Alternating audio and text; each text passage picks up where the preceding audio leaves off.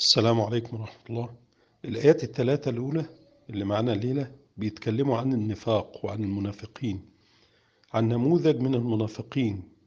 يعجبك قوله ويشهد الله على ما في قلبه وهو ألد الخصام. هو شديد الكراهية الإسلام ولكن كلامه حلو.